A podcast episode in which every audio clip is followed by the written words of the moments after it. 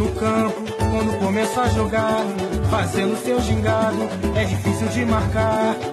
Fita pra ali, fita pra lá, fita pra cá, com a bola nos pés, ninguém consegue. Ele sabe fintar. Fita pra ali, fita pra lá, fita pra cá, com a bola nos pés, ninguém consegue lhe roubar.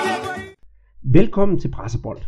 Det er nu en god uges tid siden, vi sidst var igennem jeres podcast feed, og vi håber, at I nød sidste uges udgave.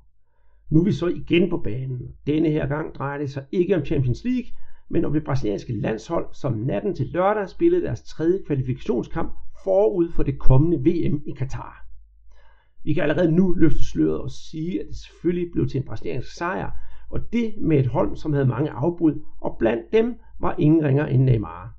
Vi gennemgår på vanlig vis kampen mod Venezuela og ser frem mod tirsdag, hvor en større modstander vender, nemlig Uruguay. Lillebrødrene fra OL-holdet, de har altså også været i gang. De har været en tur i Ægypten, hvor de mødte Sydkorea, og de var endda tæt på at overraske sydkoreanerne altså. Selvom landsholdet er i aktion, så kører ligaen videre som intet var hent. Det betyder, at Peter snart skal til sædvanlige tur til aviskiosken for at finde ud af, hvem der pt. er det bedste hold i Brasilien. Vi lover dog, at posen på tiden bliver rystet, da nogle af topholdene bare ikke kan finde ud af at vinde. Når vi snakker om topholdene, så har Flamengo skabt sig opmærksomhed i den forgangne uge, da man valgte, valgte at skifte ud på trænerposten. Og øh, hvem der kommer ja, på trænerposten, det skal vi nok komme ind på senere. Til sidst snakker vi om en mand, hvis voldelige tendenser er ved at tage overhånd. Vi tager debatten op og snakker om, det ikke er på tide, at Felipe Melo sætter støvlerne på hylden. Velkommen til Presserbold. Den består af mig, Andreas Knudsen, Peter Arnholdt og Guadana Antarctica, som er vores sponsor. Velkommen til. Ja, så er vi jo i gang igen, Peter, og vi plejer jo at optage sådan i løbet af ugen, men i dag det er det altså søndag, for Brasilien, de skulle have en, øh, en VM-kvalkamp overstået, og så havde vi lige en weekend, vi skulle have, have fået til at gå her lørdag, og så kunne vi selvfølgelig også se nogle kampe øh, lørdag aften. Men øh, jeg skal jo stille det, det sædvanlige spørgsmål.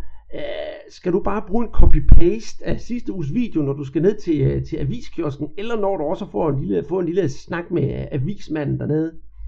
Ah, der bliver ikke noget copy-paste her, fordi at, øh, vi har fået et nyt førhold i, i CA, ikke? og det er faktisk således, at den her søndag, hvor vi optager, der er jo fodboldfri, fordi der er valg hernede til, til kommunerne øh, rundt omkring, så min, min kone hun har været oppe og set sit, øh, sit kryds, og det gør jo så også, der, der slet ikke bliver spillet fodbold, men det blev der så til gengæld øh, lørdag med et, et hav kampe, jeg tror det var otte kampe, ikke? og så er der Øh, to af dem, der bliver spillet i morgen øh, mandag, men der, der er ikke nogen af de fire hold, der skal i aktion i morgen, som, som kan nå førstepladsen. Så, så jeg, jeg har ikke været nede forbi kiosken, Andreas, endnu, men øh, det må jeg jo så gøre her efter podcasten, så vi kan holde fast i, i rutinen. Men, men øh, ja, der, der, der sker jo masser hernede stadigvæk, ikke? Øh, når jeg er landskamp, øh, OL, øh, ko, altså ja, coronasituationen, ikke? som også laver en masse øh, ballade øh, med, med landsholdet, udtagelsen og, og kampe, altså hold, der virkelig bliver ramt af det. Så der var en, en klub i aktion i går, ikke, som havde 11 spillere ude af virus, ikke, plus, øh, plus træneren, som sågar blevet indlagt. Så, så det, det sætter nogle, ja, det sætter selvfølgelig nogle, nogle begrænsninger på, hvor, hvor så sportsretfærdigt øh, turneringen er. Men sådan er det, man må stille med de, de kort, øh, man har. Og det hold, der måtte undvære så mange spillere, de gik faktisk hen og vandt over det nuværende, eller det daværende tophold, må vi hellere sige. Så, så, så der sker en masse hernede, og, og øh, noget andet, Andreas, vi snakkede også lidt om øh, Evander i vores sidste podcast, og øh, han, fik da, han fik da taget til, til genmail. Det, jeg, jeg beskylder ham for at have hørt vores podcast, selvom man ikke taler dansk, for, for det, var da en, øh, det var da en fornøjelse at se ham i, i, i weekendens spil mod FCK. Alt det, som vi to havde snakket om, Peter, det, øh, det blev jo næsten gjort til skamme, og det, det synes jeg egentlig kun er dejligt, og, og, og stor ro til ham, og så var han jo så også i gang igen, øh, lidt senere på ugen, da, da FC Midtjylland spillede, spillede pokal. Der var han lidt mere anonym, men øh, han viste virkelig, hvordan man, man stepper op, og så lige mod FC København i sådan en topkamp, eller i hvert fald kamp mod to, øh, to store klubber i Danmark, det, det, var, en, øh, det var en ren fornøjelse. Så det har jeg øh, også brugt min tid til at, til at se på, og så skal jeg fortælle også, at jeg har læst lidt i en, i en bog, der er kommet, øh, for at få, få fodboldlugen til at gå op i en højere enhed. en øh, bog, jeg har købt, der hedder 1982, Brazil, The Glorious Failure. Og så kan man jo selv gætte til, hvad den handler om, og så tænker på, at gud, er der nogen, der vil bare skrive en, øh, en roman om Brasiliens øh, VM i 1982. Og det er der, han hedder Stuart Horsfield, og så langt jeg er nået i den her bog nu, så det er en rigtig, rigtig god oplevelse at læse, og det lugter lidt af en, øh, en podcast, special podcast med, med Stuart Horsfield, og hvor, hvor vi selvfølgelig skal snakke om, om VM i 1982, og det der berømte brasilianske landshold. Men øh, den tid, øh, den må vi jo så se i møde. Nu skal jeg lige have fået fat på, på Stuart først, og ham, se om han vil snakke med mig. Men øh, udover det, Peter, så har jeg selvfølgelig set lidt, øh, lidt brasiliansk fodbold også, kulmineret med, med i går, øh, hvor jeg nu skulle se øh, øh, spille deres første ligakamp med Jose Ceni ved, ved roret. Men det kommer vi ind på, hvordan det går med ny træner og hele den der ballade, der har været, eller ballade, ballade, det er måske så meget sagt, men den, øh, det, det virak, der har været i, øh, i, i Flamingo. Ja, vi, vi er jo ikke færdige helt med, med bogdelen, fordi at, uh, Torben Auk her, som uh, arbejder som scout blandt andet i, i Hamburg Sportsverein og i Manchester United, han har jo udkommet med en bog, der hedder Historiens 100 bedste fodboldspillere. Og der er faktisk en masse brasilianere, der er på, på den liste. Og, øhm, og, og vi er så heldige, at vi har fået en, en, en udgave af den, som vi lige skal have læst igennem. Ikke? Og så er det jo så også planen, at vi, vi tager fat i, i ham, og øh, så må vi se, om det bliver på skrift, eller det bliver ved, ved en podcast. Men, øh, øh, så der, der er i hvert fald et par bogpodcasts øh, i, ja, i, i støbeskeen. Det er rigtigt, og hvis du får fat på Thor Morkær, det kunne det også godt være, at det skulle være en, øh, en, en, en podcast, hvor han kan garanteret fortælle en masse gode røverhistorier om øh, nogle af de brasilianske spillere, han har skrevet om, uden at, uden at egentlig at øh, have, have noget belæg for det, men må ikke, han, øh, han, han kender nogle af dem. Og så håber jeg da også, at der er rigtig mange af de brasilianere, der er på fremtrædende øh, pladser. Men det glæder mig til, at øh, du fortæller lidt om, når du, øh, når du får læst bogen igennem, Peter. Den, den lyder rigtig, rigtig spændende. Men vi skal altså til at snakke om det, det brasilianske landshold, som nu spillede VM-kvalifikationskamp mod øh, Venezuela her natten mellem, øh, mellem, natten mellem fredag og lørdag. Og op til kampen, der øh, havlede det jo faktisk ned med, med afbud til det, til det brasilianske landshold, både af den ene slags og den anden slags. Og jeg tænker på, Peter, øh, kan du lige sådan lige hurtigt vende, hvem var det egentlig, vi sådan manglede på det her, det her landshold? Nu sagde jeg jo selv Neymar her i, i indledningen, og det var nok den største profil af dem alle sammen, men, men han var jo langt fra, han var jo langt fra alene. Nej, altså der var, jeg tror, blev udtaget den 23. oktober, ikke? og det var så 23 mand, der, der kom med i, i hatten der, ikke? men der var også afbud fra Felipe Coutinho, øh, Casemiro, Fim, øh, Fabinho, Rodrigo Caio og, og Eder Mediton, ikke? og så vidste man jo også, at Neymar var skadet, men altså sundhedsstaben, de håbede på, at han kunne blive klar til ikke den første kamp, den vi skal snakke om her mod øh, Venezuela, men mod kamp nummer to mod Uruguay. Og det gjorde så, at man, man udtog øh, øh, Pedro fra Flamengo øh, som en slags, øh, jeg skal sige, øh, med i truppen i den første kamp, og så afhængig af, om Neymar var klar eller ikke klar, så skulle han så være med eller ikke med i, i kamp 2. Men, øh, men det er jo nogle, nogle vigtige profiler, ikke? Det er jo i hvert fald øh, tre fra, fra startopstillingen, øh, der, der manglede, ikke? Og, og Chichi, sådan som han valgte og, og stille op mod Venezuela, ikke? så havde han jo set bort fra, fra Alisson fra Liverpool, ikke? den normale første mand, målmand, som så kom på, på bænken, ikke? og det var jo så Manchester City's øh, øh, mål, målmand, som, som øh, fik chancen. Men kan du ikke lige tage opstillingen, Andreas? Det kan du tro, jeg kan. Øh, på mål, der finder, finder vi Ederson, og så har vi jo så bagkæden med Danilo, Marquinhos og Thiago Silva, der var anført i dagens anledning og så Henan Lodgy. Så på midten, der finder vi Arlan, Douglas Luiz og Everton Ribeiro. Og så øh, de aggressive, forhåbentlig aggressive mænd oppe i front, det skulle så være Gabriel Jesus, Hey Charlison og Roberto Firmino.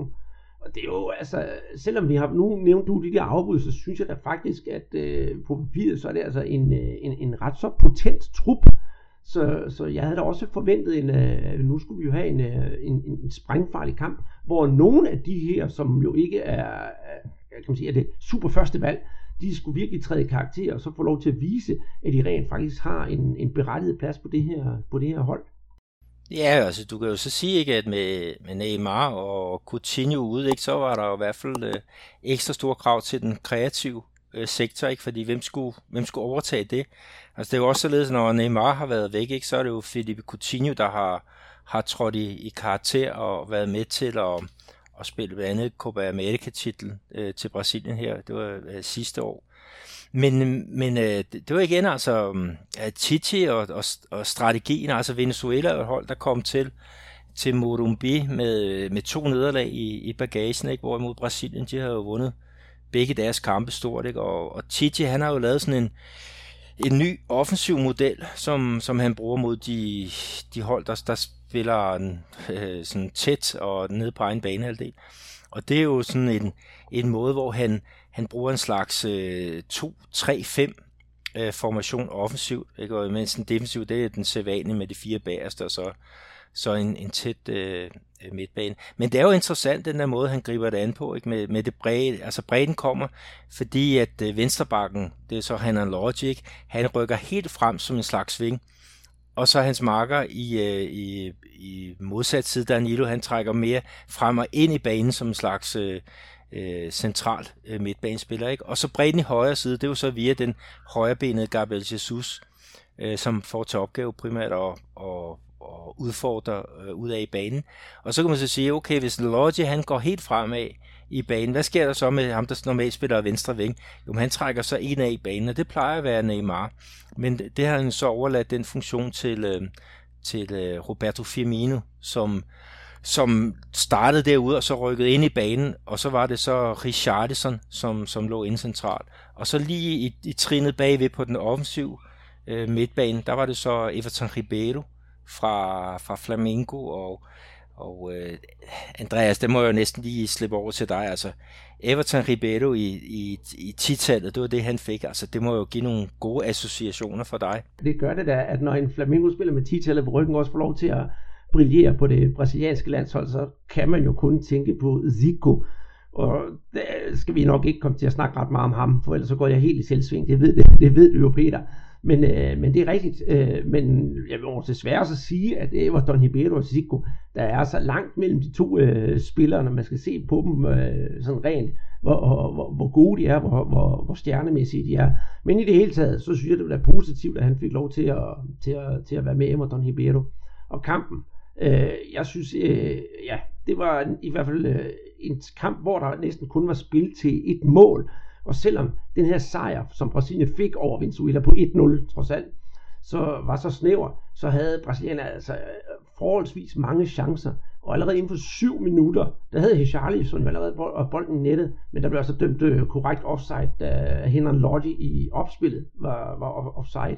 Og Brasilien, de har faktisk rigtig flere store, gode chancer, og øh, jeg tror, der er også nogle af de her brasilianske spillere, der må ned her, han måtte ned efter kampen og skulle give en eh, kveje Guadana i, øh, i omklædningsrummet. For eksempel i, i Charlison, der banker den i sidenettet, og, ja, og så øh, Douglas Luiz, der også har, har bolden i nettet, men det bliver så også annulleret for, for skub i ryggen og sådan noget. Øh, øh, altså i det hele taget, første halvleg, Venezuela, en reel chance, og der lagde jeg faktisk mærke til en ting, Peter, sådan hvis vi skal se det lidt med vores briller, så var det jo rent faktisk en, øh, en såkaldt brasser, kan vi roligt sige, som, øh, som trådte karakter for, for Venezuela, øh, nemlig Soltero, der spiller for, for Santos. Han snød Danilo tiden, og så lavede han en tværaflevering ind i, ind i feltet, men øh, der var selvfølgelig ingen venezuelaner til at, til at følge op på det her. Og så øh, der i pausen, der, der benytter Chichi til at lave sådan en, et, et par udskiftninger. Han sætter Lucas Paquetá på banen i stedet for Dr. Luis. Nok for at få lidt mere sådan aggressivitet på, på banen. Og ja, øh, jeg synes heller ikke, at Douglas Luiz har været sådan super, super god den der, til den her kamp. Han var sådan en lille smule øh, langsomt og, og, og, kan vi kalde det øh, lidt boldmasserende. Og så anden halvleg, der synes jeg næsten, vi har sådan en copy-paste af, af, af første halvleg. Vi får dog en scoring, skal selvfølgelig siges. Og det er målet, der kommer efter 66 minutter, da Everton Ribeiro han øh, brugte pladsen, som øh, Jesus havde skabt til ham over i, i højre siden til at komme til baglinjen. Et højt indlæg ind i Venezuelas felt, hvor Marchis i kamp med Lordi hætter den ned for fødderne af Firmino, som så scorer til resultatet 1-0. Øh, foran 1-0, og nu er det næsten hjemme i hus, så, så laver Tite også på udskiftning, og der fik vi jo så debut til Pedro i øh, den gule trøje for brasilianerne. og han kom sammen på banen sammen med Everton Cebolinha, som blev skiftet ud i stedet for Hicharlison og, og, og ja, så var det gamle Jesus, der, der kom ud i stedet for, for Pedro.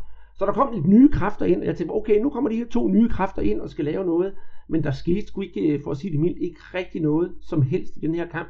Øh, den slutter 1-0 til Brasilien, og hvis jeg skal komme med min vurdering af det her, Peter, så synes jeg, at kampen det var en pligtsejr til Brasilien, og det var til tider ret så uinspirerende at kigge på.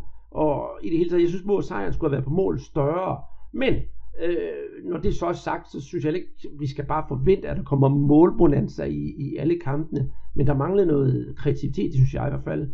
Og så, så, så, så skete der altså bare ikke noget fremadrettet. Det var boldmassage, og til gengæld, så vil jeg dog også sige, at de holdt jo så nålet bag til og havde, øh, og tog heller en chance dernede. Så det var måske noget positivt, hvis man skal se på det.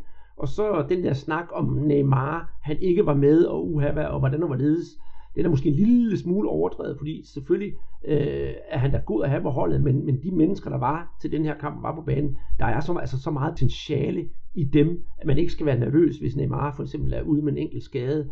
Men øh, alt i alt, så synes jeg på, øh, skal jeg give sådan en karakter for, for underholdningsværdien i kampen, så, så skal det være for den gamle 13-skala, for den kan jeg da i hvert fald huske, så skal det være et, øh, et, et syvtal, for den var altså simpelthen jævn kedelig, efter min mening. Ja, jeg synes også, det var en søvndysende øh, affære, ikke? og jeg sad og så den sammen med min, med min datter, ikke? og hun faldt i søvn øh, i løbet af første halvleg. Det var jeg også lige ved at gøre, fordi det var altså der var rigtig meget øh, spil rundt og rundt. Ikke? Og, og tålmodighed, det er, jo, det, det er jo en dyd, ikke? når du møder et hold, der, der står meget lavt og, og spiller meget, meget kompakt.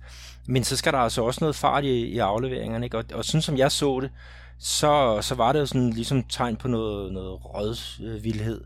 Og øh, Everton Ribeiro, ikke, som skulle være den der, der gik ind og, og lavede de der kreative ting og, og sager. Ikke? Altså han lå på den offensive midtbane. Når han spiller i sin klub Flamengo, så ligger han altså ude i siden og trækker ind af i det der øh, område. Så, så der var jo også noget diskussion om, hvad, altså, hvor meget skal man lave om på de positioner, som, som spillerne laver på, har på landsholdet, i forhold til hvad de har på, på klubholdet. Og, det, og det, det kunne godt være, at øh, Everton Ribeiro han havde et lille lag, altså han ikke spillede helt op til det, han, han kunne. Men, men øh, jeg, jeg synes, det så godt ud med Lodge i venstre side. Han kommer godt ud af. Øh, jeg synes, øh, problemet var i højre side, hvor øh, Gabriel Jesus han ikke rigtig fik øh, udfordret, som han, han skulle. Og han trækker også nogle gange meget ind af i banen, ikke? og det giver et problem, når Danilo han også gør det. Fordi at, at normalt så en højre bak skal kommer i overlap her i Brasilien, men, men ikke så meget på det her land, så det i hvert fald ikke i højre side. Så, så der, der blev en masse plads ude til, til højre, så han fik ikke rigtig lavet det der angrebet så bredt øh, uh, Chichi, som han, han ville. Ikke? Og han, han stod jo også og råbte og skreg. Altså, der, der er jo ikke øh, publikum på, vel? Så, så der er jo, du kan jo høre lige, hvad han, han siger, ikke? og han dirigerede rigtig meget. Spil det, gør det, og så videre. Og så var, som du sagde, et, øhm, øhm, Luis på, på midtbanen, altså Douglas Luis, han havde rigtig mange fejloverværinger, ikke? og var en af dem, der varmede bolden øh, for meget. Øhm, så øh, altså jeg, jeg skal jo heller ikke rende rundt og så sige, at, at øh, Brasilien ikke kan spille uden Neymar. Det har de vist. Det kan de godt. Jeg tror bare, det blev lidt for tungt også med, med Coutinho. Og så specielt, øh, når du skal spille mod et hold, der står så langt til, tilbage, så er det jo sgu meget godt at have nogen, nogen der kan lidt. Og, og der var det kreativt lagt i skoene på Roberto Firmino, og så, så vores tiger fra, fra Flamengo. Og, og øh, Firmino laver jo målet, ikke? Og, og laver nogle nogle rigtig gode ting, fik top score, eller han fik i hvert fald den bedste karakter i, i Globo, og, øh, og det var også, øh, også helt fortjent. Men jeg tænker også på det der med deres målmand, øh, Andreas, altså nu valg, valgte han øh, øh, Ederson i stedet for, for Alisson. Øh, har du en idé om, hvor, hvor, hvorfor det?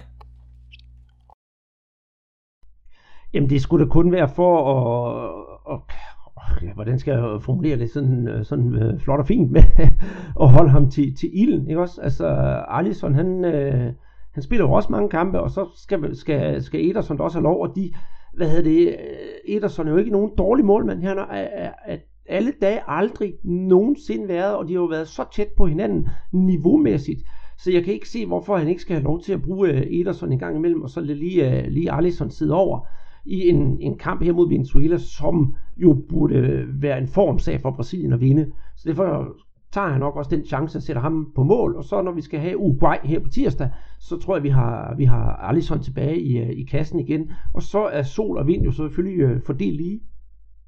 Ja, jeg, jeg, jeg tror også, at Alisson han kommer til at stå mod Uruguay her på, på tirsdag.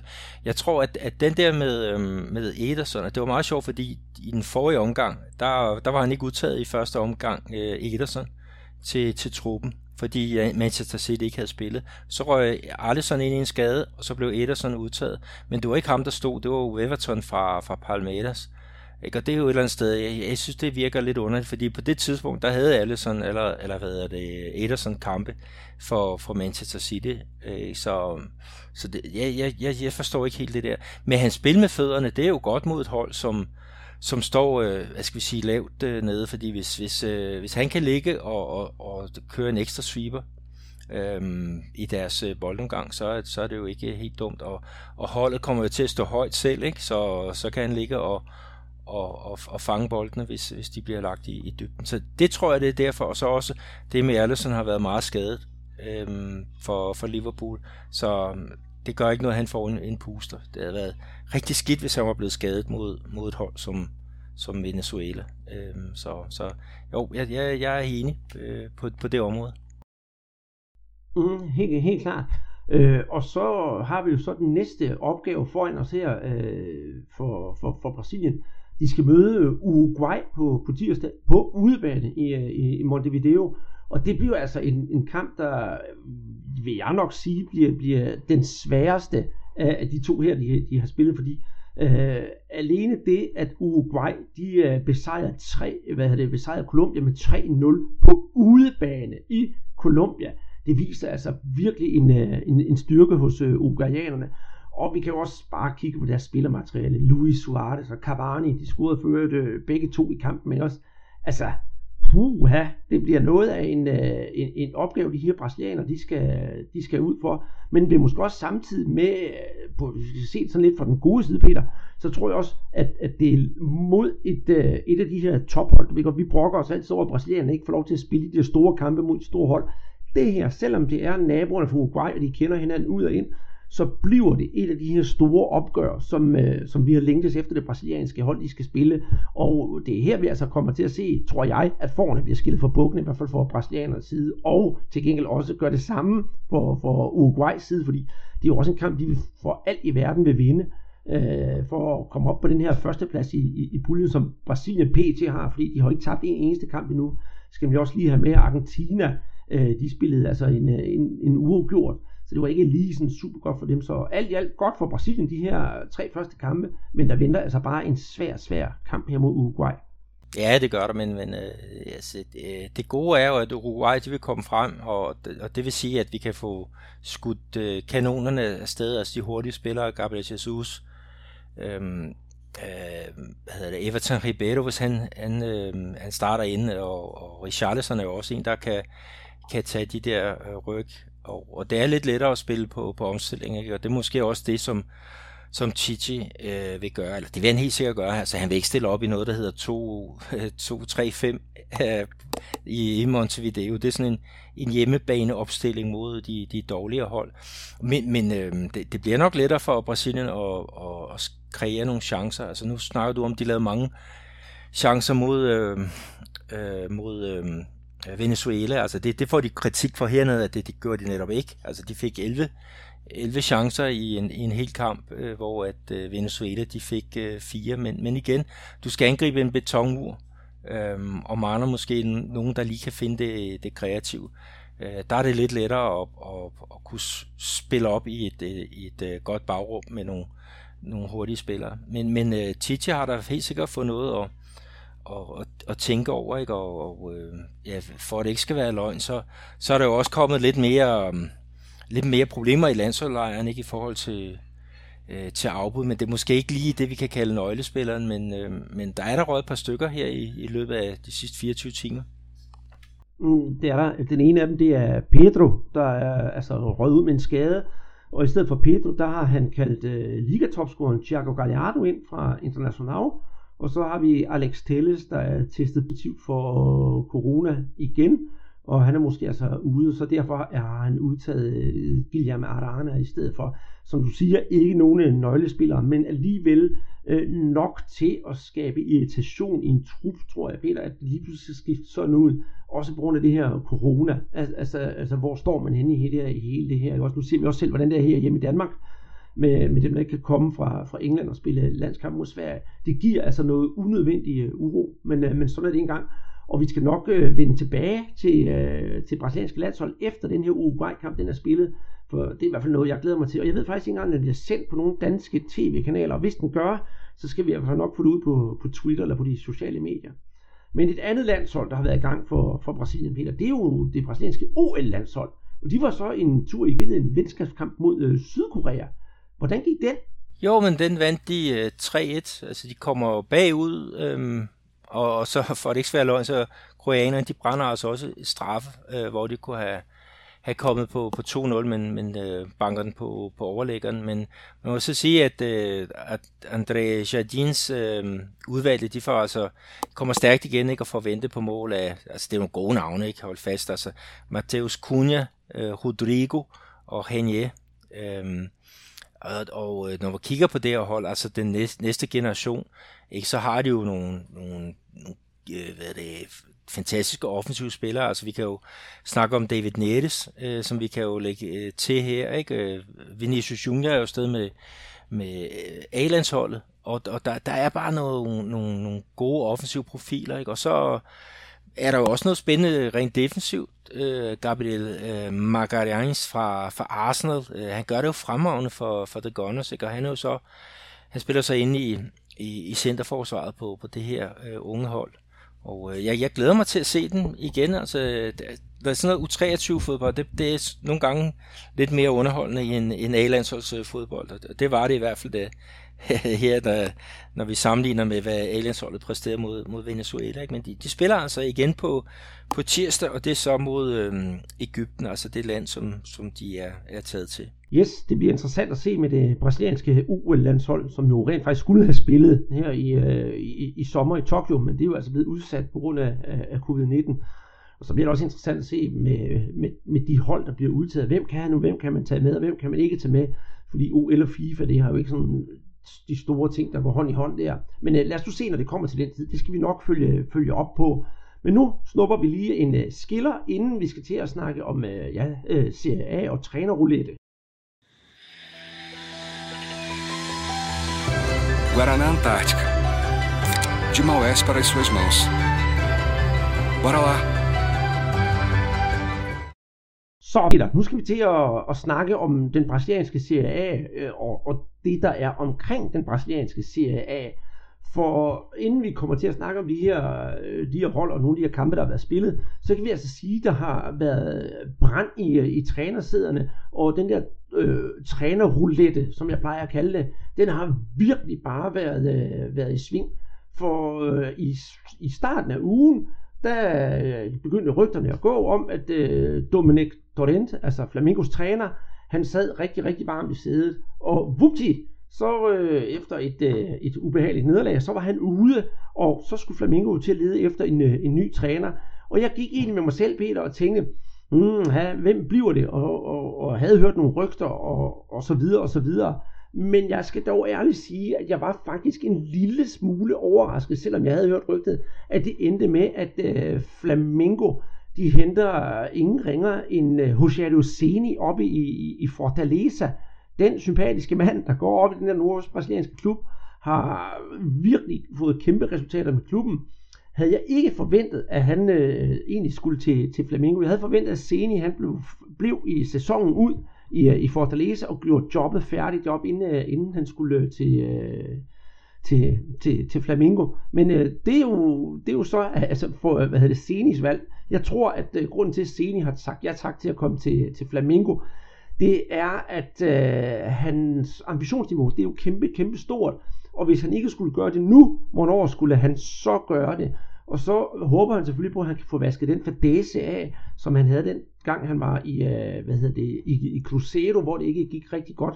Men øh, manden, han er jo altså en stor legende, og nu står han altså i spidsen for en af Brasiliens aller, aller største klubber.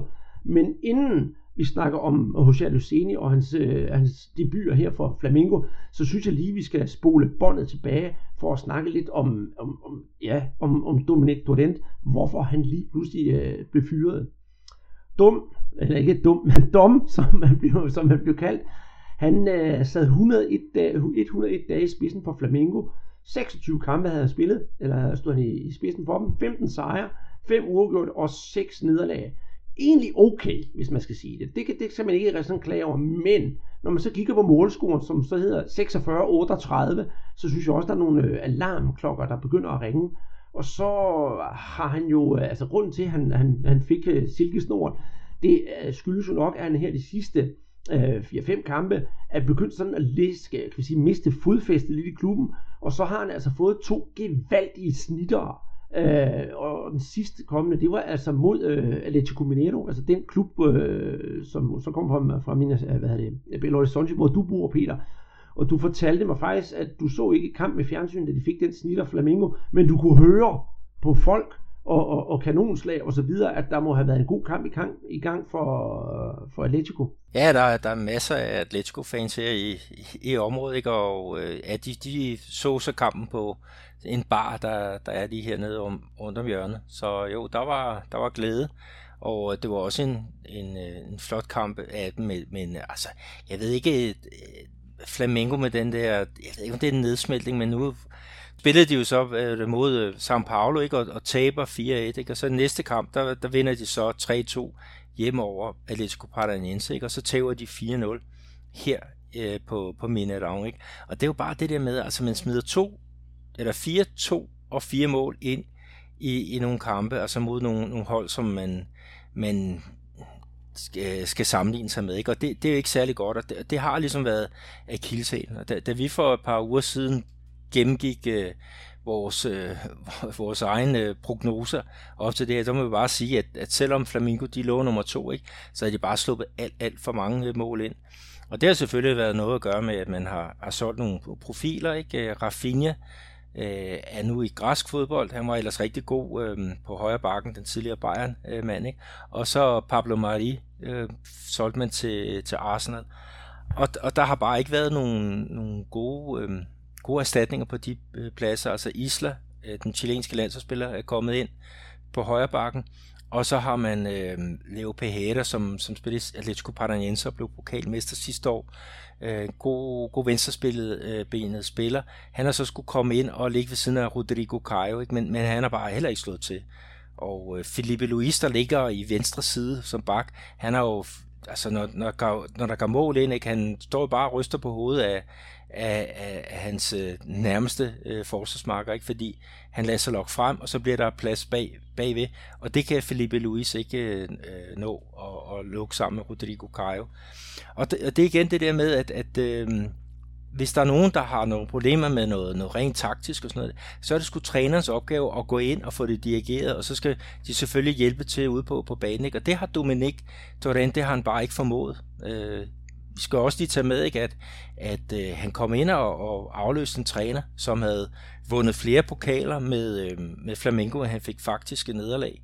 Øh, vandt øh, seks pokaler og fik fem nederlag i over 13 måneder. Ikke? Så det var en, et, et hold, der vandt øh, Libertadores, øh, som vandt det brasilianske mesterskab, som var tæt på at og, og, og slå øh, Liverpool også, i hvert fald en meget, meget jævnbyrdig kamp ved VM for klubhold. Så det er jo ligesom et sted, har man sgu en aflyse. Så kom der corona, og kom der andet, spillerne vender tilbage og ikke i særlig god form. Men, men han har bare ikke været i stand til at, at få den til at arbejde som en, en enhed. Øh, der var lige nogle momenter, hvor det så fornuftigt ud øh, på banen, ikke? Men, men så kommer der lige den her ikke? Øh, tilbageslag. Ikke? Og der, jeg kan sgu godt forstå, at, at man i ledelsen har sagt, okay, vi har nok fejlkastet øh, her. Øh, Torrent, han er jo kendt som øh, Guardiolas øh, hjælpetræner, ikke? og det kunne også godt være, at vi skulle have en rigtig træner i stedet for en, øhm, øh, en Manchester City-assistent. Øh, og det kan godt være, at han har været dygtig, øh, på papiret, men han har ikke kunne få det formidlet til spillerne, og de har været lidt, øh, siger at han er en fantastisk flink fyr, men, men han, han har heller ikke, hvad skal vi sige, udnyttet det spor, som øh, hvad hedder det, George Jesus han har fået lavet. Altså han fortalte, at han ikke ville lave om på noget, og det gjorde han så alligevel, øh, og det resulterede blandt andet i, de tabte 5-0 øh, ude til, øh, Del Valle i Copa Libertadores. Der har været nogle andre situationer, hvor man bare siger, altså fundamentet har bare ikke været, været, været godt. Altså, det har været et, et, et hus, der har været til at rokke alt, alt for lidt. Så, så jeg kan sgu godt forstå, at, at man siger, okay, 26 kampe, det er måske, det er måske tid nok. Vi har også nogle store profiler på vores hold, øh, som, som ikke ser ud til, at de er sindssygt tilfredse med ham. Øh, skal vi køre sæsonen til ende, eller skal vi se at få, få luftet lidt ud? Ikke? Og øh, det, det valgte de så. Og Rosario Sene, det er jo et spændende valg. Det er det, det er det. Han har haft øh, to øh, kampe i front for Flamengo til videre. Den første, hans debutkamp, det var rent faktisk mod hans, øh, hans gamle klub São Paulo, hvor han jo er en legende i den klub, hvor, hvor de så var, det var i den brasilianske pokalturnering. Og der, der tabte Flamengo øh, 2-1. Og så kom øh, anden kamp her i, i går aftes, eller i nat var det faktisk, hvor de spiller 1-1 mod oprykkerne fra Atletico Goianense. Og der siger jeg, Peter, at, at José Senior har sådan nogle ting, han skal arbejde med i den her klub. Øh, I går, ja, bare til den her kamp, synes jeg, jeg så en, en, en trup, der virker usikker. Det var en, en forkølet omgang fodbold, som, ja, altså for at sige det lidt, altså det, det, det var lidt, lidt kedeligt, lidt ligesom den der brasilianske landskamp, for det virkede bare som om, at de der spillere på holdet, der var ikke rigtig nogen af dem, der havde lyst til at træde i karakter. Og der kom, da der endelig kom fart over feltet, så var det altså fordi øh, Arascaeta, han kom på banen, og det gjorde han altså langt inde i, uh, inde i anden halvleg. Øh, så at de står nærmest og venter på ham, at han skal komme til at løfte det her hold.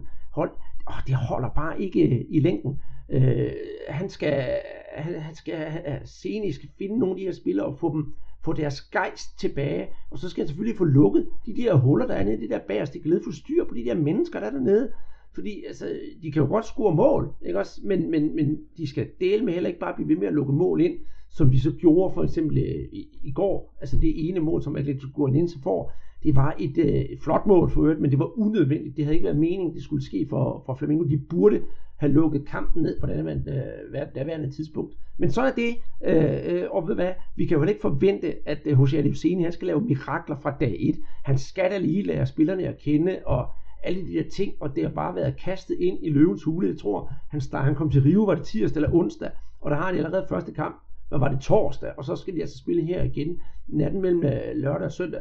Så det er jo klart, at han skal da også lige først sådan føle sig lidt frem, og mund ikke, at, øh, at det har været hjælpetræneren, som har været sådan med til at stå, stå meget frem for, for Flamingo de her to kampe, og så har bare støttet op mod, øh, mod Seni. Men øh, jeg forventer det bedste. Om ikke andet, så får vi en karismatisk træner, og en træner, der virkelig har noget, noget historie. Og hvis det skulle knibe med at skyde nogle dødbold for Flamingo, så kan han vel altid selv komme på banen og sørge for dem. Nå, Peter, nok om José Seni og, og Flamingo. For vi skal jo til at snakke om det hold, som var, var, var tophold i, i, i sidste uge, nemlig International. For de har jo også øh, haft lidt gang på, på, på trænergangen, hvis man kan sige det på den måde. Ja, det var noget overraskende, fordi lige pludselig så forlød det, at øh, Eduardo Cudé, argentineren, han, øh, han øh, ville sige sit øh, job op. Og det, det var fordi, at øh, Celta Vigo i Spanien, de ville have ham, ham dertil.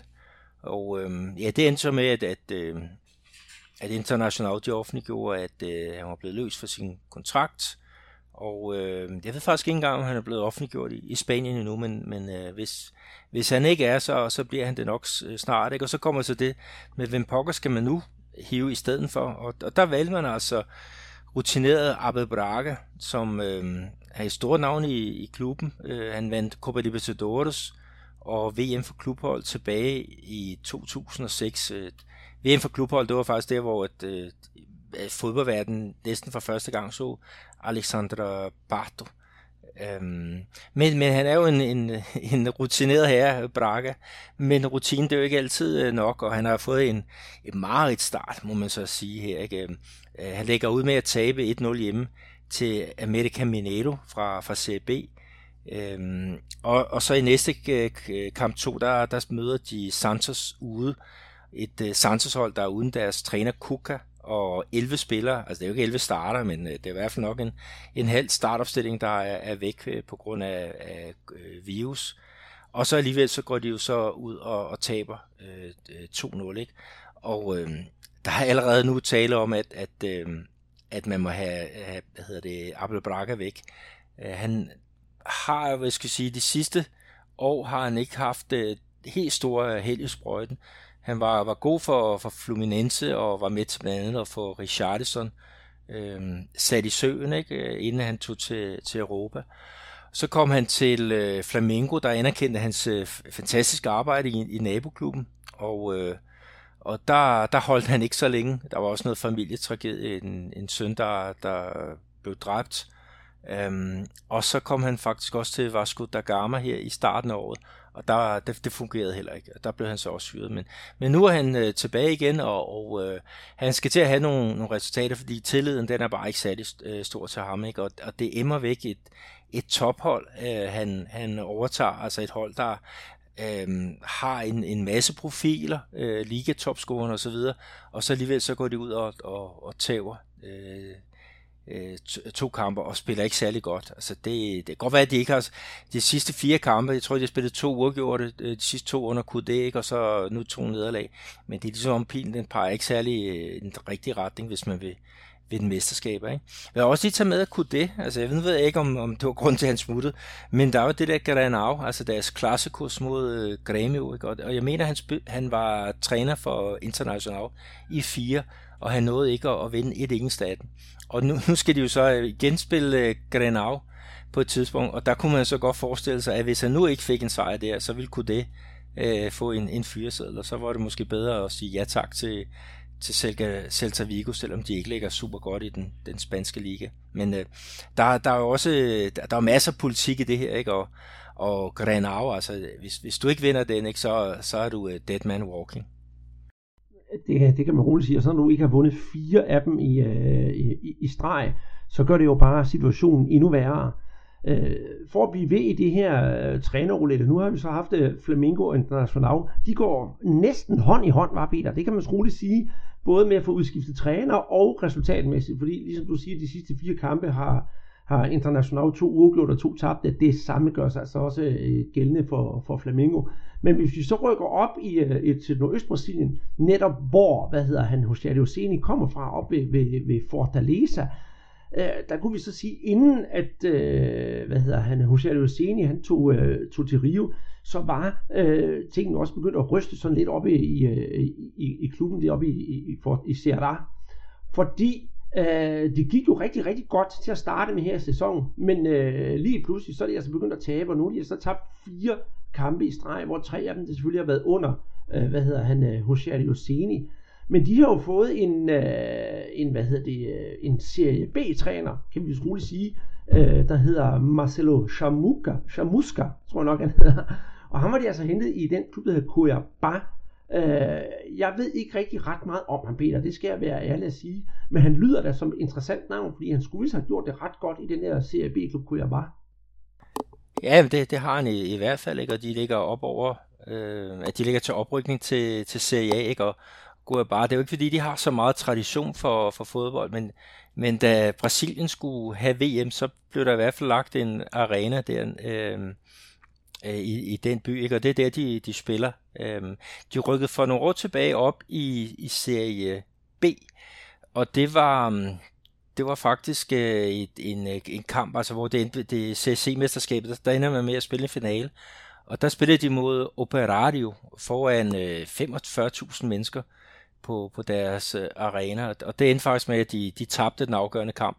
Og det var på mål af, af Bruno Batata, som jo var i, i, i Brøndby. Men, men altså, det, det, det er rigtig spændende at se, hvad der, hvad der sker derude, og hvis vi kan få dem op i, i serie A, så er der nogen, der siger, ah, men de har måske ikke så meget historie, som, som, som nogle af dem, øh, som, som øh, Nautico og, og Santa Cruz og nogle af de andre øh, klubber øh, uden for, for den fine række, men, men til gengæld så er der jo kæmpe potentiale.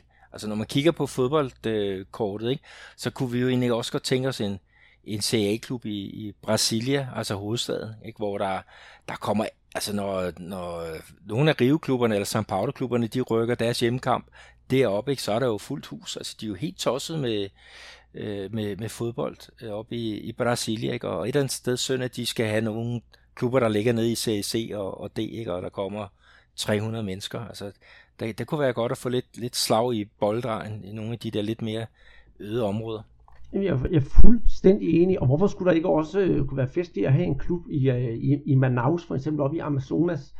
Jeg ved, der er rigtig, rigtig meget fodbold deroppe, men øh, at de ikke har nogen klubber, som gør sig gældende i den bedste række, det er også lidt trist, men der har vi da også nok noget at gøre med afstanden op til, øh, til Manaus, der gør, at det måske ikke er så attraktivt for mange spillere at, at, at rykke derover, men det er altså en helt anden historie. For at blive i trænerrouletten, så skal vi altså den her gang en tur til øh, Botafogo, der har fået den 61-årige Ramos Dias på, øh, på, på bænken. Og ham er der måske nogle af jer, der kan huske som, øh, som fodboldspiller, som øh, fik omkring 22 landskampe for, for Argentina. Det lyder sørme spændende. Øh, jeg aner ikke, hvad vi skal forvente af manden, men på papiret, der lyder det som en, øh, som en god trænersigning. Ja, Ramon Diaz, altså, det, er jo, det er en rigtig spændende signing. Altså, der er måske nogen, der kan huske ham som, som fodboldspiller. Øh, han var han fik øh, 22 landskampe for Argentina og scoret 10 mål. Han var blandt andet med til VM. Øh, han har spillet i, i italienske klubber som Napoli, Inter og Fiorentina i, i 80'erne og blev faktisk mester med, med Inter. Og så havde han jo også en, en flot karriere i, i argentinske River Plate, hvor han så senere tog til at blev, blev træner og, og vandt øh, Copa Libertadores med, øh, med, med den med klubben der fra, fra Buenos Aires. Ikke? Men, men det, det bliver spændende at se, hvad han kan. Ikke? Altså, det er jo et, et uh, Botafogo-hold, som ligger under nedrykningsstregen. Jeg har et par profiler i, i Honda, øh, den japanske landsholdsspiller, ikke? og så rutineret øh, Salomon Kalou fra Elfenbenskysten, men, men det har jo ikke svunget særlig godt. Øh, så, mm, så der skal noget mastermind for at, at få, få klubben på, på sporet, men øh, det kan være, at øh, Ramon han er, han, er, han er sagen, men det må vi jo så se. Men lad os smutte videre til en anden klub, øh, Andreas, netop øh, Atletico Goianiense. Øh, de har nemlig også skiftet. Det har de. Det har de. De har øh, fået, øh, de har fået ny træner, ny gammel træner, som er Marcelo Cabo. Og han debuterede altså i, uh, i nat i den her kamp mod Flamengo, hvor han fik 1-1. Og det kan man jo sige for hans vedkommende, det er da en godkendt debut. Så han skal da ikke klage forløbig, og han har faktisk stået, øh, i, stået i front for klubben før, og det var tilbage i 2016, da ja, de blev kaldt dragerne fra Goiania. De vandt Serie B, så, så han kan da noget, det, det tror jeg da helt bestemt. Og så fik han selvfølgelig øh, fire kampe, da de så rykkede op i, i, i Serie A, og det var så fire nederlag i træk. Der blev han så fyret dengang. Men nu giver man ham altså chancen en gang til, og det bliver spændende at se, Peter. Og du kan en uh, rigtig, rigtig god, måske lidt lummer historie om uh, Marcelo Cabo. For der er jo noget med et motel og en transvestit. Ja, det var en, en frygtelig historie. Det var sådan lige et, øh, kort tid efter, at han havde vundet øh, CB-mesterskabet med, med Atletico, så forsvandt han i, i 40 timer. Øh, familien anede ikke, hvor han, han var, og han plejede altid at give, give lyd fra sig, men der var, der var ikke rigtig noget at hente, så han blev efterlyst. Øh, så lige pludselig kom der altså en melding fra politiet om, at han var fundet på et Eros motel sammen med en señorita Eginaldo Rocha dos Santos, øh, som man kunne høre. Så Eros Motel, øh, øh, motel, det er sådan et sted, hvor man holder hyrdetimer, hvis man, hvis man øh, vil have fred med, med konen eller er på, på gale streger. Øhm, og øh, Senorita, det betyder jo frøken, og Eginaldo, det er sådan et, et, et herrenavn. Øh, det viser sig senere, at det her, det var altså en falsk øh, besked, der var, var gået i, i omløb. Altså militærpolitiet, de måtte ud og afkræfte, at, øh, at han var fundet øh, i den her øh, situation. Øh, men han har helt sikkert været i en lidt øh, underlig forfatning, fordi han var altså væk i 40 timer, og sådan som han selv fortæller historien, så øh, havde han drukket. Øh, han drikker ikke normalt, og det gjorde altså, at han fik et, øh, et blackout, så han kan, kan ikke rigtig huske, hvad, hvad pokker han havde, øh, foretaget sig. Så, så mm, øh, øh, hvad, hvad, der, hvad der skete der, det, det må man jo så gætte sig til. Og et, et gætteri med en transvestit, det, det er altså noget i den, en mere kreativ øh, øh, hvad hedder det, afdeling, men, men øh, noget var der i hvert fald gået galt. Ikke? Og der var også tale om, at, at klubben, når han ikke dukkede op til træning og sådan noget der, der var han allerede øh, er i tvivl om, om han skulle fortsætte, men, men man gav ham altså muligheden, og øh, det var altså indtil ja, fire runder inde i, i Serie A, ikke? Der, der, var, der var der ikke mere. der var der ikke mere at, at, at skyde med for hans vedkommende. Men, men fedt, at de har fået fat i ham igen. Øh, han har været træner i, i Serie B og laver et, et, et fint stykke arbejde. Fantastisk det han lavede med, med Atletico der i, i 2006. Så, så ja, jeg, jeg glæder mig til at se ham igen for, for dragerne. Det, det kan jeg godt forstå. Og øh, nu har vi jo fået snakket om nogle af de her klubber, der har skiftet træner. Og inden vi sådan kommer til at gå alt for meget selvsving over de her klubber i, øh, i, i den bedste række, så tænker jeg, at vi øh, skal vi ikke bare tage stillingen, Peter? For der, bortset fra i dag, så, hvor, der er, hvor der er valg, så er der næsten fodbold hele tiden. Så vi skal jo blive ved med at, at holde jer assurt ude, hvilke hold der ligger øh, hvorhen i ligaen. Og vi har jo faktisk fundet et nyt, øh, et nyt tophold, som vi jo, vi jo nævnte.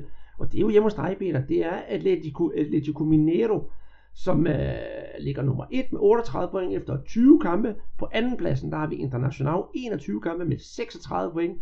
Så finder vi São Paulo, der sniger sig langsomt op med 36 point, og de har altså kun spillet 18 kampe, så, så de kan virkelig overraske, når de kommer op på, på fuld antal kampe.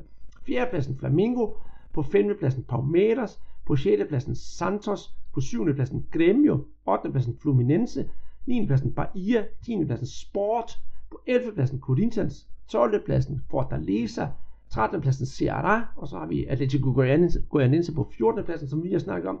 På 15. pladsen, der finder vi Vasco. På 16. pladsen Atletico Paranense. Og så under stregen, der har vi Curitiba, Red Bull Bragantino, Botafogo og Goiás.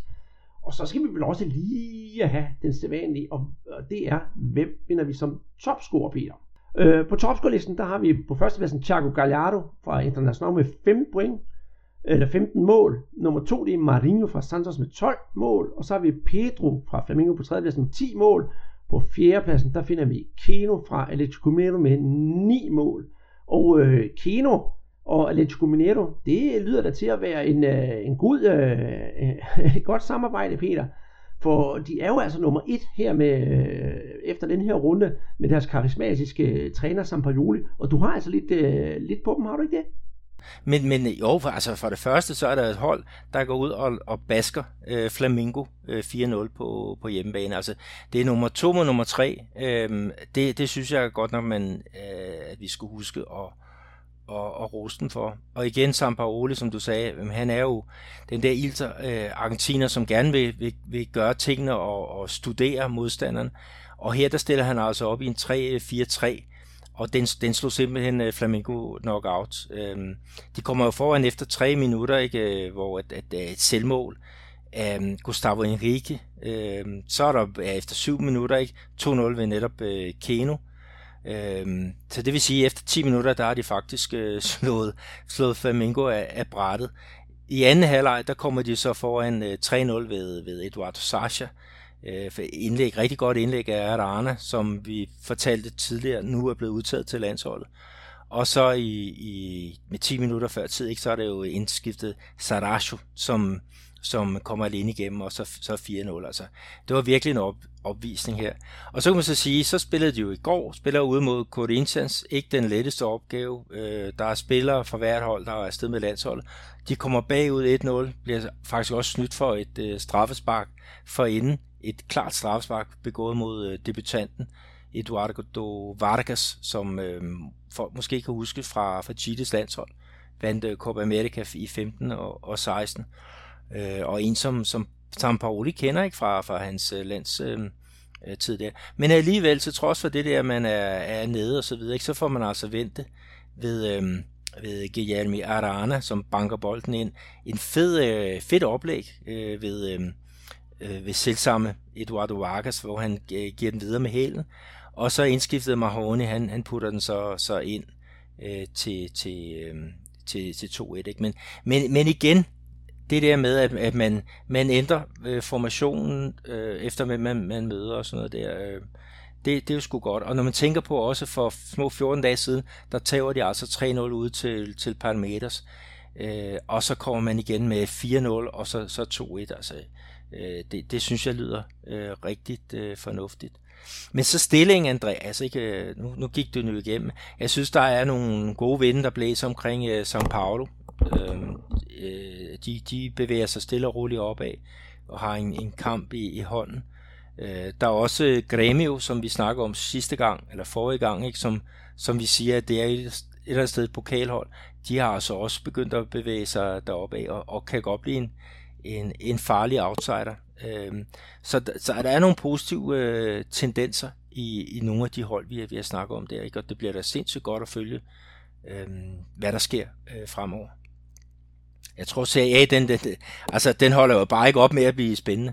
Det, der bliver knald på lige til sidste fløjt. Det er, jo, det er jo det, man kan jo næsten ikke vende den, vende den ryggen, før der, før der sker noget, noget nyt.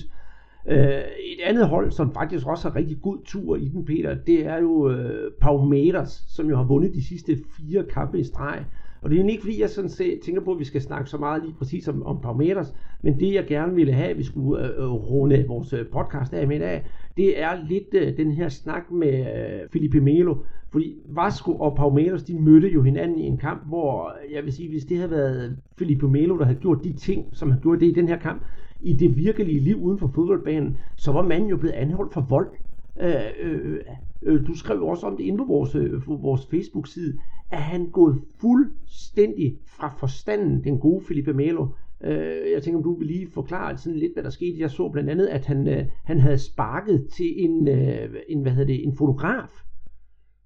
Øh, jamen, det er rigtigt, han sparkede en fotograf i, i, i maven. Det var faktisk øh, lige der, da de havde lavet øh, sejrsmålet, så laver de sådan en, en kreds ud ved, ved mållinjen, og der er sådan en fotograf, der, der sidder på sin plads og tager nogle, nogle billeder, og der, der ser øh, Felipe Melo lige sit snit til øh, og, og stikke benet ud, og så øh, ja, stemple ham i, i maven, eller, eller hvad, det, hvad det nu er. sådan en rigtig kujon-handling. Øh, men for inden der, der havde han også nærmest prøvet at brække armen på Leo Martos. Øh, det var i forbindelse med en, en uh, duel inden for en mål, øh, hvor de skal prøve med nogle positioner, de skubber lidt til hinanden, men der får han altså grevet fast og får låst hans, hans arm og rykker i den. Uh, altså det kunne have gået rigtig galt. Men, men uh, han er jo uden for, for pædagogiske rækkevidde, ikke? Men, men han, han sluttede jo så kampen efter de der to... Uh, to, øh, ja, hvor han, to situationer, hvor han, han smækker til nogle andre ved, ved selv at komme galt af sted. Og, og det var så et heldigt uheld, det var det andet i hvert fald ikke. Øh, det er en, en øh, Vasco-spiller, som, øh, som vælter og simpelthen ruller ind i hans øh, ben. Og der kan man så se, at han får ikke trukket benet hurtigt nok til sig, så det ender med en, en øh, brækket ankel. Så Felipe Melo, han er altså ude i, i fire måneder, ikke? og, og øh, som, som altså det, det, den der situation, ikke, som, som der er i, i kampen, ikke, altså, hvor man siger, man må ikke, man for alt i verden ikke ønske, at der er nogen, der brækkes benene eller, eller noget. Men, men et eller andet sted, så må jeg så sige, at øh, hvis det går ud over øh, Felipe Melo, så har han et eller andet sted selv også været, været skyld i det. Altså, jeg synes ikke, han, han kommer fra banen just med, øh, med sympatipoint efter, hvad han har lavet øh, forinden. Øh, han er jo også oppe i alderen, og fire måneder, det er faktisk, hvad han har tilbage i sin kontrakt. Øh, og vi kan jo så diskutere, om, om, om han for, skal fortsætte. Øh, altså, det vil han nok øh, gerne gøre. Og jeg tror nok også, øh, Palmeters, de vil give ham en, en, en etårig kontraktforlængelse på noget, noget bonusværk. Øh, men, men det, det er ikke sindssygt sympatisk, han, det han laver som, som anfører. Der er nogen, der synes, det er vildt fedt. Øh, jeg, jeg, jeg synes det ikke. Øh, jeg, jeg, jeg synes, det er, det er, det er synd, at en, en klub med, med den historie, som Palmeiras har, at de skal have sådan en, en bandit øh, gående og, øh, og, og vise som, som en, en ren sagt, en, en skider, ikke? Jamen, jeg, jeg, jeg, kan ikke, jeg kan ikke blive mere enig, Peter, og som jeg også sagde, hvis, hvis de der ting, han lavede på banen i den her kamp mod Vasco, de måske ude i det virkelige liv, så var han blevet anholdt øh, og, og, hvad hedder det, og, og meldt for vold. Jeg synes, øh, jeg synes simpelthen, at, øh, at der burde være en ledelse i Palmeiras, der siger, ved hvad, vi trækker en streg her i sandet og siger, nu er det altså slut, kammerat. Det der svineri, det gider vi simpelthen ikke. Hvis han skal lov til at spille, så må de jo sætte nogle gigantiske store bøder op, hver gang han bare får noget, der minder om et gult kort øh, øh med, med de, de svinestreger, han laver. Og det er fuldstændig rigtigt, hvad du siger at, at, man vil ikke ønske, at der er nogen, der brækker benet. Men i det her tilfælde, også med Felipe Melo, så siger, det er fortjent, du har selv, at du ligger, som du har ret, kære ven. Og, og, og, og det passer sig slet ikke ind i brasiliansk fodbold, at du er, for at sige det lige, direkte, et usympatisk svin. Ja, han, han viser sig i hvert fald ikke som, som øh, en, man, man, man har særlig gode øh, følelser for. Altså, der, der er der nogle af de der hardcore øh, Palmeiras fans og det rundt omkring, som måske tilhører det, altså det, det er sådan mere rabiate ting, som gør, at ah, han, han, han slås for forholdet, og, og er, er god, og han, han vinder kampe, ikke? Og, men, men det er også det der med, der har været nogle perioder i Palmeiras, ikke? hvor han, han har simpelthen været smidt ud af truppen, fordi at han laver for meget støj i, i omklædningsrummet, ikke? Men, men du kan også godt lave støj, og, men det skal være positivt, ikke? Og det, det gør han ikke, altså han er sådan et, et øh, magtmenneske, ikke? Og, og de kan huske, der var en eller anden gang, hvor han, øh, han blev vist ud for at lave en, en, øh, en takling, altså sådan en saks, altså hvor han kaster sig ned i, i, i hælene på en, på en modstander, der er, er, er ved at, at, at slippe fri, ikke? Og der siger han, ja, men øh, nej, det var ikke benene, altså jeg takler ham ikke med mine ben, nej, det var med mine testikler, der, der væltede ham. Og, og det, det er et eller andet sted meget underholdende og sådan noget, men, men det er også lidt, lidt primitivt. Øh, altså, jeg, jeg tror, at Palmeiras, jeg, jeg tror et eller andet sted, de bliver nødt til at, at forlænge med ham. Øh, selvom han laver de der to øh, sindssyge øh, skandaler, ikke også, så er det en mand med, med en brækket ankel, og, og ham lader man sgu ikke rigtig i, i stikken. Vi skal også lige tage med, at han har en, en søn, der spiller på, på U17-holdet. Nu er det ikke, fordi jeg lige præcis ved, hvor, hvor, hvor god han er, men, men øh, det kunne da også godt være, hvis man fyrer, øh, hvad hedder, ikke forlænger med, med Melo, at, at så er der også en søn, der skal finde nogle andre øh, græsgange Øh, det, det kunne jeg godt forestille mig. Jo, men der, altså, jeg, jeg kan godt se flere grunde til, at man forlænger med, øh, med ham, selvom han er en, er en, en, øh, en voldsperson, som, som, som et eller andet sted, jeg gerne havde set den sidste kamp med. Øh, jeg, jeg har set lidt for mange med ham faktisk, hvis skal være helt men, men det kan jo også godt være, Peter, nu er han jo brækket, brækket foden her, når han kommer tilbage. Han er altså 37 år, så han synger vel også på sit karrieres efterår. Og det kan jo godt være, at han efter den her skade faktisk kan få ret svært ved at, at, at komme tilbage. Men øh, lad os se, hvad der sker, og, og, og håbe på også, at det kan også godt være, at den her skade har gjort, øh, måske, det tror jeg næppe, har gjort det, at Filipe Melo måske kan blive et, øh, et bedre menneske på, på banen. I hvert fald en, der kan indgyde noget gejst, i stedet for at indgyde gejst ved at smadre de andre spillere sådan rent fysisk. Det, øh, det vil klæde ham at ændre sig i hvert fald. Ja, vi kan også lige tage med, at, at en af grunden, vi kan også lige tage med, at en af grundene til, at, at Palmeiras, de har jo klaret sig så godt her, det er jo, at han er blevet rykket fra centerforsvaret og så op på midtbanen, fordi han har jo de der krigeregenskaber, ikke også, som, som holdet altså har, har gjort brug af. Øh, og, og det har pyntet, øh, pyntet og pyntet, men det har i hvert fald virket for Palmeiras, han spillede op på den defensive midtbane. Det har han gjort i rigtig mange år. Men så Vanderlei Luxemburgo, øh, som trænede den, øh, Øh, i starten af året, indtil han blev fyret øh, for en, en halvanden måneds tid siden. Øh, han, øh, han placerede ham så i centerforsvaret. Øh, og øh, ja, øh, jeg vil ikke sige, at det er ham, der skyld i, at, at Palmeiras er på rette kurs, men, men øh, en, en af grundene til, at det er gået godt, det er, at han har skiftet position. Ja, altså han har jo på den måde også været en, en gevinst for, for, for Palmeiras, det skal vi altså, det skal vi også huske, selvom uh, vi ikke er super glade for hans uh, adfærd på banen. Og med det, Peter, så lukker vi altså podcasten ned for denne her gang. Uh, først så skal vi have overstået et valg i Brasilien, og så kommer fodbolden tilbage igen på, på første klasse. Og næste program på, vi skal tage fat på, i hvert fald i næste podcast, det bliver denne her kamp mod Uruguay, øh, som vi glæder os enormt meget til. Men indtil da, der må jeg selvfølgelig også inde på Facebook. Skriv en mail til os på pressebold.dk. Også gå ind på, på Twitter og lidt også på Instagram. Der befinder vi os også en gang imellem. Og med det, så lukker vi podcasten ned for denne her gang. Mit navn det er Andreas Knudsen, og i øh, Brasilien, der sidder du, Peter Arnhold, garanteret med en iskold Guaraná, for er det ikke snart ved at være sommer nede hos dig nu? Roberto Firmino! Gol do Brasil!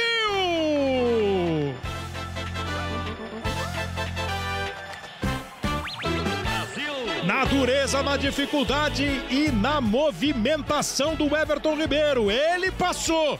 Agora a bola do Paquetá foi no chão.